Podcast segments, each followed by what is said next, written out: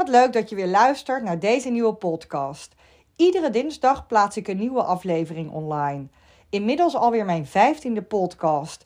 En het leuke is dat ik iedere week weer meer luisteraars heb. Daar ben ik echt super blij mee, want ik maak de podcast vooral om andere vrouwen verder te helpen. Om de combinatie moederschap en carrière makkelijker te maken. Deze week ga ik het hebben over de vijf fouten die werkende moeders maken, waardoor zij geen balans ervaren. Maar voordat ik daarop inga, wil ik ook even gebruik maken om mijn gratis webinar onder de aandacht te brengen. Waar gaat mijn webinar over? Het staat in teken van hoe je stress en overwelm kunt omzetten naar rust, plezier, energie en zelfvertrouwen. Zodat jij je als ambitieuze moeder en businessleader niets meer overwerkt voelt en succesvol bent in je werk en thuis.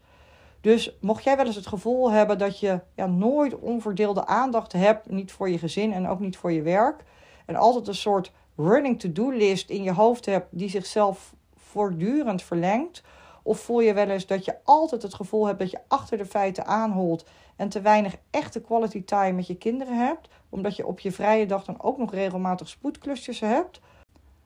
Of voel je wel eens dat je het lastig vindt om te blijven leveren als het thuis even minder loopt? Nou ja, herken jij je hierin? Dan is mijn webinar echt een aanrader. Tijdens het webinar geef ik waardevolle tips en deel ik technieken hoe je dit het beste kunt aanpakken, zodat jij weer rust, zelfvertrouwen, plezier en energie gaat ervaren. En ik ga in op welke simpele aanpassingen ik deed in mijn leven, waardoor ik opeens gelijktijdig en doorgroeide in mijn carrière en thuis veel meer rust ervaarde. Dus eigenlijk wat mijn succesformule is. En hoe je weer de regie terugkrijgt over je leven, waardoor jij ook weer gewoon tijd hebt voor je hobby's. En ik leer je hoe je je niet aantrekt van wat anderen van jou vinden. Dat je echt voor jezelf moet opkomen en hoe je je grenzen kan aangeven. Ik geef hetzelfde webinar twee keer. Namelijk op maandagavond 13 februari en op woensdagavond 15 februari. Waarom twee avonden? Stel je hebt een sportavond op de maandagavond, dan kun je je inschrijven voor de woensdagavond en vice versa. Op zich kun je ook een replay bekijken, maar ervaring leert dat het echt veel waardevoller is om er live bij te zijn. Gewoon omdat je de interactie veel meer voelt. En dan kan ik ook gelijk jullie vragen beantwoorden. Heel leuk als je erbij kunt zijn, omdat het echt veel gaat veranderen voor jou. En ik weet ook hoe druk je bent, dus ik zal echt to the point zijn. Je kunt je inschrijven via mijn website danjalekkerkerk.nl, maar ik zal in de show notes onder deze aflevering ook een link toevoegen. En via mijn social media kanalen kun je je ook inschrijven. Mocht je deze podcast na 15 februari 2023 luisteren en je denkt, hé, hey, dat is ook best een interessant webinar voor mij, check dan zeker even mijn site. Want ik ben van plan om dit webinar wel één keer per maand te gaan geven. En mocht jij denken, hey, dit is wel leuk ook voor iemand in mijn team of voor een vriendin. Nou, ik zou het heel erg waarderen als je dit webinar ook even bij haar onder de aandacht wil brengen. In de podcast van vandaag wil ik het hebben over de vijf fouten die veel werkende moeders maken, waardoor zij geen balans ervaren in de combinatie werken en moederschap. Werkende moeder. Op een, een of andere manier is de titel werkende moeder best zwaar beladen. En dat komt omdat er zo ontzettend veel verschillende meningen en misvattingen over zijn. Iedereen vindt er wel wat van. Hoeveel dagen je moet werken, hoe je de dingen moet aanpakken. En eigenlijk is de enige mening die er echt toe doet, dat is jouw mening, hoe jij de combinatie wilt aanpakken. Maar in de praktijk is dat niet altijd zo gemakkelijk. Daarom ga ik vandaag in op de vijf fouten die veel werkende moeders maken en waardoor zij voor zichzelf onvoldoende balans ervaren. Overigens is het niet zo dat balans een einddoel is. Want als je je balans bereikt hebt, dan moet je er wel continu aan blijven werken, ja, dat je in balans blijft. De eerste fout is dat jij als werkende moeder geen antwoord hebt op je eigen why. En waarom ik dit in het Engels zeg, is dat ik hiermee refereer aan de Golden Circle van Simon Sinek met de why, de how en de what. En wellicht ken je deze Golden Circle al via je studie of via je werk. Zo niet, geen probleem, ik leg het je uit. De why staat voor het waarom. Waarom doe je bepaalde dingen? En met waarom wordt bedoeld ja, wat je doelstelling is. wat je drijfveer is om iets te doen. In dit geval werken. Dus de eerste stap is om te bepalen wat jouw why is als het draait om werken. Het gaat hier echt om het antwoord voor jezelf. Dus geen politiek correct antwoord op iemand die jou de vraag stelt waarom je werkt, maar echt een antwoord voor jezelf. En misschien werk je voor je salaris, of heb je onwijze passie om carrière te maken, of leer je ja, graag nieuwe dingen, of het kan een combinatie van deze dingen zijn, of omdat je gewoon graag onder de mensen bent. Het belangrijkste is dat je, je tegen jezelf kunt zeggen: Ik werk omdat puntje, puntje, puntje. Dus als jij heel duidelijk weet waarom jij werkt en waarom het belangrijk voor je is, dan kun je dat ook vanuit het juiste perspectief zien. En dan kun je daaraan vasthouden. Want hoe leuk je baan ook is in de basis, er zullen altijd momenten zijn dat, het gewoon, ja, dat je het gewoon even wat minder leuk vindt. Omdat het bijvoorbeeld thuis eventjes niet zo lekker loopt. Of omdat ja, die kerstperiode toch weer wat hectischer was dan je dacht dat die zou zijn. Of omdat je gewoon heel veel irritante collega's hebt. Maar als je je waarom heel duidelijk hebt, dan kun je daar iedere keer naar teruggrijpen. En dan ben je dus weer heel bewust van het feit waarom je werkt. En als je je why kent, dan kun je ook veel beter aan je kinderen uitleggen waarom je werkt, mochten ze daarnaar vragen. Overigens is mijn ervaring dat de kinderen het heel normaal vinden dat je werkt. Ze weten gewoon niet beter. Dit is hun huidige leven.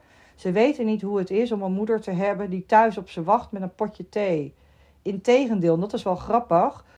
Toen ik mijn baan had opgezegd om me te gaan richten op mijn eigen bedrijf, zat ik me heel erg te verheugen om als de kinderen dan thuis kwamen, gezellig samen thee te drinken.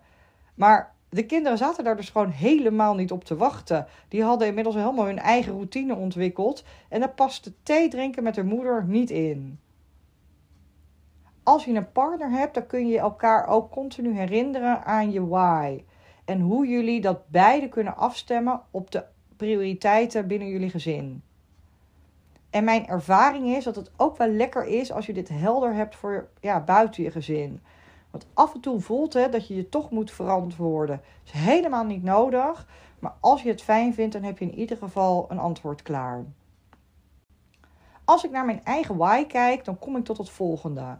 Toen ik 21 jaar geleden begon met werken, had ik helemaal niet in mijn hoofd dat ik zou doorgroeien naar een directeurspositie. Maar mijn eigen drijfveer was heel erg ja, volledig zelfstandig zijn en van niemand afhankelijk zijn. Dus dat betekent ja, financiële onafhankelijkheid. En dat gevoel geeft mij heel veel vrijheid en het is voor mij zoveel waard, waardoor ik zelf keuzes kan maken die ik wil en dat ik geen keuzes hoef te maken ja, die ik met iemand anders echt moet overleggen. Zie ik mooie laarzen die ik graag wil, ja, dan kan ik die gewoon kopen en hoef ik dat niet te overleggen met iemand. Dan doe ik dat gewoon. Of wil ik skiën met vriendinnen? Ja, dan moet het wel even in de planning passen. Maar ik kan het wel gewoon doen. Wil ik een uitbouw? Dan doe ik dat gewoon. Dit laatste heb ik ook gewoon overigens echt gedaan. En volgens mij heb ik dat ook wel eens besproken in een van mijn vorige podcasts. Naast mijn drijfveer onafhankelijkheid was ook een drijfveer voor mij dat ik het echt heel leuk vind om nieuwe dingen te ontwikkelen, echt te innoveren. En dat kon ik eigenlijk altijd heel goed kwijt, ook in mijn, al mijn functies. En zeker toen ik ook een team onder mij kreeg, was ook mijn drijfveer ja, mensen verder helpen in hun ontwikkeling. Vond ik ook zo leuk, kreeg ik ook heel veel energie van. De tweede fout die veel werkende moeders maken, waardoor ze zich onvoldoende in evenwicht voelen, is dat het onvoldoende duidelijk is wat moederschap voor hen betekent. We zijn bijna allemaal opgegroeid met een moeder of een stiefmoeder. En we leerden heel veel van haar. En dat was ook, of dat is, gewoon je referentiekader.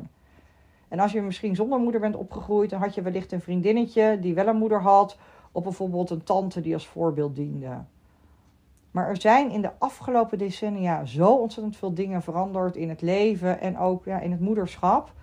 Dingen die geweldig waren voor moeders en het gezin in de jaren 70 of 80 en zelfs in de jaren 90, bestaan gewoon nu niet meer. Het leven is gewoon echt anders geworden, onder andere door internet, maar ook door andere ontwikkelingen.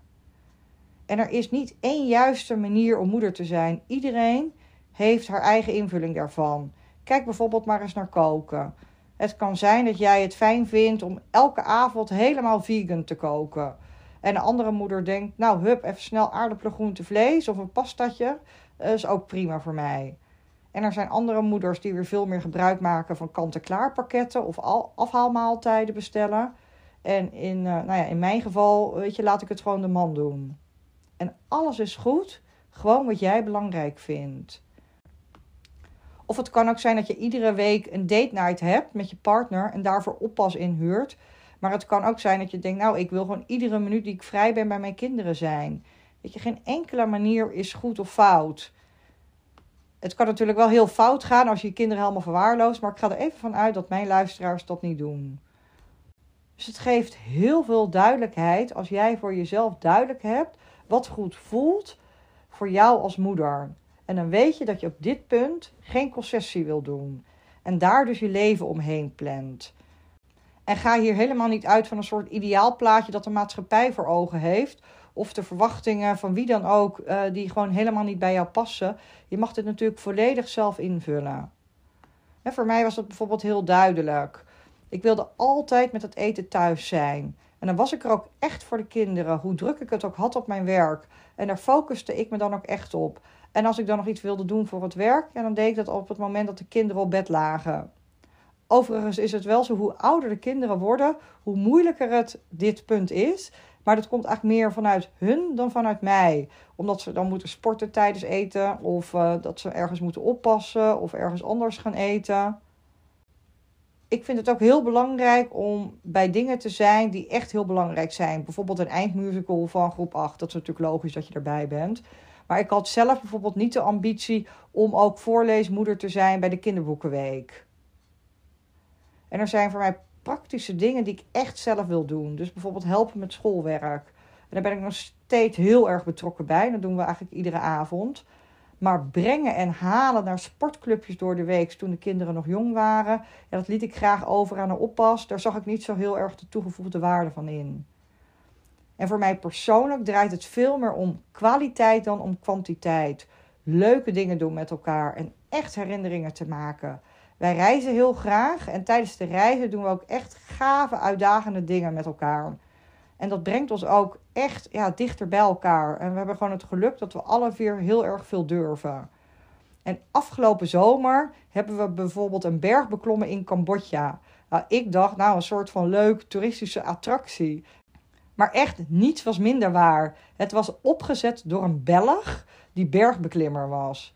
Ik kan je vertellen, als je gewoon nog nooit getraind hebt voor een Mount Everest beklimming, dan was dit echt super pittig. Maar goed, dit soort dingen is dan wel heel gaaf om met elkaar te doen. En we waren ook zo blij toen we uiteindelijk bij het eindpunt waren.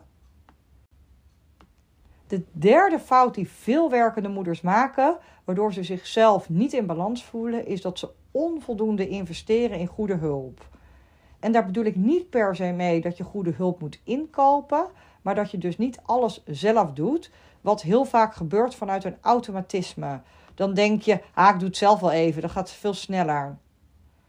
Als we bijvoorbeeld naar ons werk kijken, stel je hebt het echt te druk op je werk. Zijn er dan bijvoorbeeld werkzaamheden die iemand anders ook voor je kan doen? En dan moet je iemand wel even inwerken, maar daarna hoef je die werkzaamheden niet meer te doen. In mijn geval even twee goede voorbeelden hoe ik dat gedaan heb op mijn werk. In mijn laatste functie deed ik best heel veel praktische dingen zelf. Waarvan ik dacht, nou dat kan eigenlijk prima bij mijn managers liggen. En eigenlijk deden de managers weer taken die prima bij de teamleads konden liggen. En zo deden de teamleads weer allerlei taken die prima bij de senior medewerkers konden liggen. En dan voelt het wellicht dat de senior medewerker dus meer te doen kreeg. Maar daardoor werd zijn of haar functie wel veel interessanter. En werd daarmee ook klaargestoomd om uh, nou ja, eventueel een teamlead functie te gaan doen. En dat was dus echt een win-win situatie voor iedereen. En wat ik ook deed, en hier zat echt mijn kracht, ik zorgde dat ik hele goede mensen aannam. En ook degene die dus rechtstreeks aan mij rapporteerden. Daardoor had ik super gedreven goede teams. En als je een goed team hebt en die, en die weet je ook aan te sturen, heb je gewoon minder zelf te doen. En nu denk jij wellicht, nou, dit is heel logisch. Maar gek genoeg vinden heel veel mensen dit heel erg eng. En zij denken dan, nou, ik neem minder goede mensen aan. Dan steek ik er met kop en schouders bovenuit. En dan weet ik zeker dat niemand anders geschikt is om mijn baan over te nemen. En als we kijken naar thuis, je hoeft als werkende moeder ja, thuis natuurlijk ook niet allemaal alleen te doen. Kinderen, en mocht je een partner hebben, kunnen je natuurlijk ook prima ondersteunen. Ik heb dit punt al eens vaker aangekaart in een podcast, maar hier zie ik het echt heel vaak fout gaan. En het is ook nog eens bewezen. Als beide partners fulltime werken, dan doet de vrouw meer taken in het huishouden dan mannen. En dit is gewoon een punt dat je gezamenlijk moet bespreken. Ja, je zult misschien even wat tijd en moeite moeten besteden om ze te leren hoe ze dingen moeten aanpakken. En misschien doen ze het ook niet zo goed als jij het zelf zou doen. Maar goed, ze kunnen het wel allemaal leren. Voorwaarde is overigens wel dat je dat dan ook echt loslaat. En ik weet uit ervaring dat het best heel lastig kan zijn. Ik loop al een week over een trap waar spullen aan de zijkant liggen die niet van mij zijn. En ik heb besloten om ze gewoon niet mee naar boven te nemen. En ik ben dus echt heel benieuwd hoe lang ze er nog gaan liggen. Maar elke kleine taak die iemand anders voor jou doet, is een taak die jij minder hoeft te doen. En uiteindelijk is het een geweldige manier om wat meer balans te creëren. Naast andere typische werk- en moedertaken doe je wellicht ook nog wat andere taken, zoals bijvoorbeeld het plannen van vakanties. Nou, ik heb bij D-reizen gewerkt, dus ik weet dat dit voor 95% door vrouwen gebeurt. Maar misschien plan jij ook het onderhoud aan je huis of organiseer jij altijd de etentjes met vrienden. Ben jij degene die ook nog eens een keer het budget en de uitgaven bijhoudt thuis? Nou ja, en je moet voor jezelf dus bedenken wat je echt graag zelf wil doen en wat wellicht iemand anders kan doen. Bijvoorbeeld het plannen van vakantie doe ik graag zelf. Het is een soort van hobby van mij om het uit te zoeken. En ik heb er ook ja, net wat meer geduld voor, zodat ik zeker weet dat ik in leuke hotels zit. Ik zou niet zeggen dat het bij ons helemaal 50-50 verdeeld is. Maar ik denk wel dat mijn partner meer doet dan uh, de gemiddelde man in het huishouden. En ook de kinderen proberen echt wel mee te helpen waar mogelijk. De vierde fout die veel werkende moeders maken, waardoor ze zich niet in balans voelen, is dat je veel energie verspilt aan activiteiten of stemmen in je hoofd die jou niets opleveren en ervoor zorgen dat je energie letterlijk uit je lichaam wegstroomt. En daarom is het zo'n ontzettend belangrijk punt. Een van de dingen waar veel werkende moeders mee worstelen is een gebrek aan energie. Het is echt bijna universeel. Oh, we zijn allemaal zo moe. En het voldoende energie hebben is de basis voor een goede balans. Jouw energieniveau bepaalt grotendeels ja, je stemming en hoe je je van binnen voelt en het straal je ook zeker uit naar buiten. Dus de basis van je goed voelen hangt voor een belangrijk deel af van je energielevel. Als jij je goed voelt, kan je gewoon veel beter die wereld aan. Dus het is belangrijk om je energieniveau te verhogen. Hierdoor voel je je onmiddellijk beter. En daarom moet je op zoek gaan naar jouw energievreters of je energielekken. Want hier verspil je energie aan. Dus goed om te bedenken wat jouw onnodige energie kost. En dan kan je zo breed mogelijk bedenken. Het kan bijvoorbeeld om mensen gaan. Wellicht zijn er mensen met wie jij omgaat, ja, die jou negatieve energie geven wanneer je bij hen bent. En ik begrijp dat je niet met iedereen kunt breken, maar je kunt ook bijvoorbeeld minder tijd met hen doorbrengen. Maar het kan ook over activiteiten gaan. En daar bedoel ik mee bepaalde huishoudelijke taken.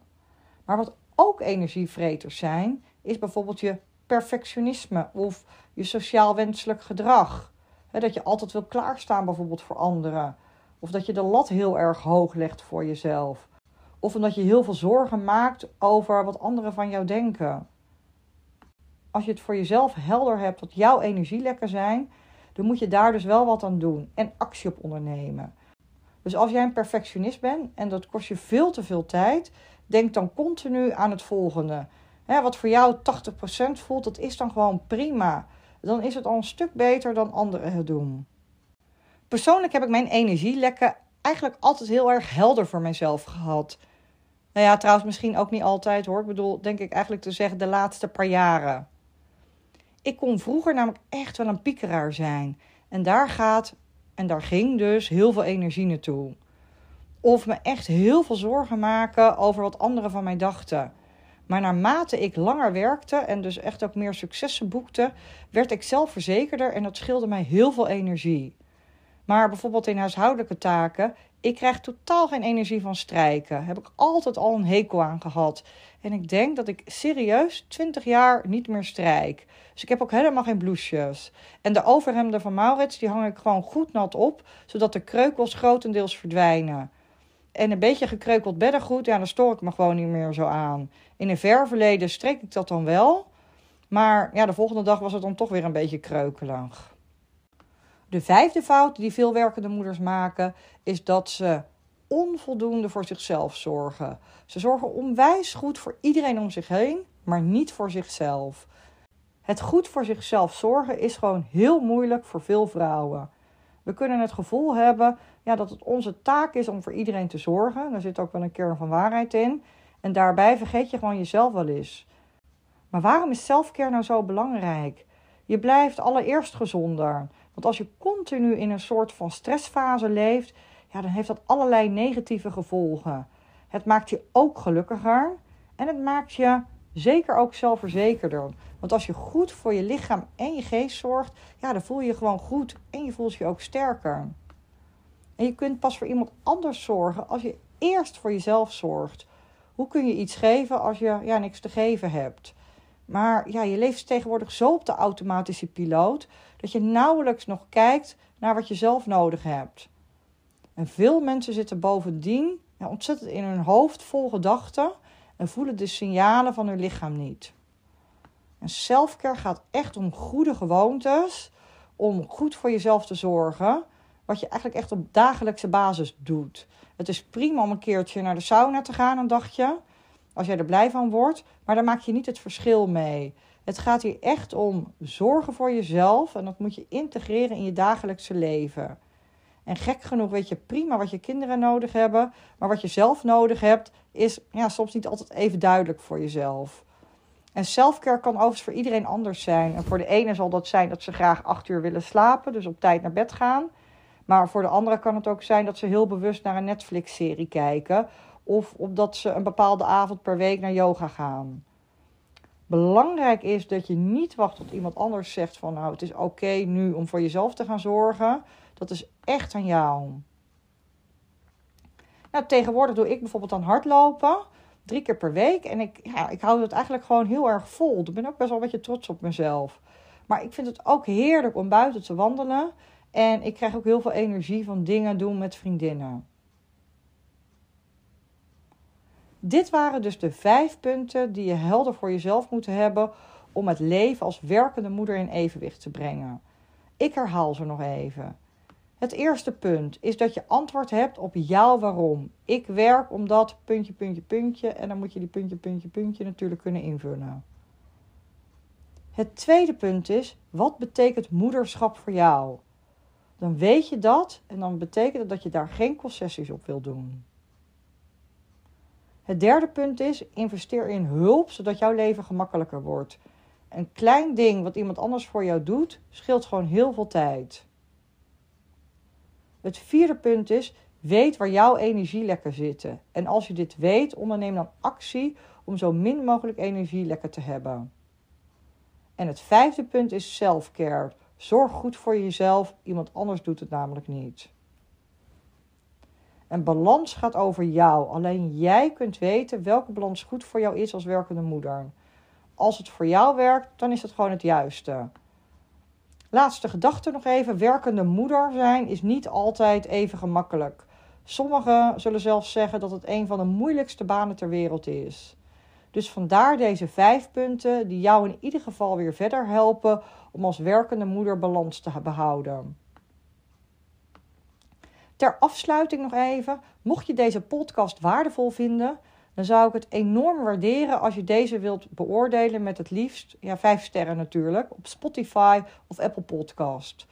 Er moeten namelijk een x aantal beoordelingen zijn voordat dit zichtbaar wordt voor de buitenwereld. En dat heeft heel veel voordelen voor de zichtbaarheid van deze podcast. Bij Spotify ga je dan even naar het overzicht. Dus niet zozeer bij de aflevering zelf, maar waar alle afleveringen weergegeven worden. En dan staat er bovenin een soort van button. En daar staat in geen beoordeling met een ster erachter. En als je die aanklikt, dan uh, kun je het aantal sterren aanklikken. Ook kun je me volgen om nooit een aflevering te hoeven missen. Bij Apple Podcast moet je dan ook naar het overzicht waar alle afleveringen staan. En dan moet je naar beneden scrollen en dan zie je dan sterren staan en die kun je dan aanklikken.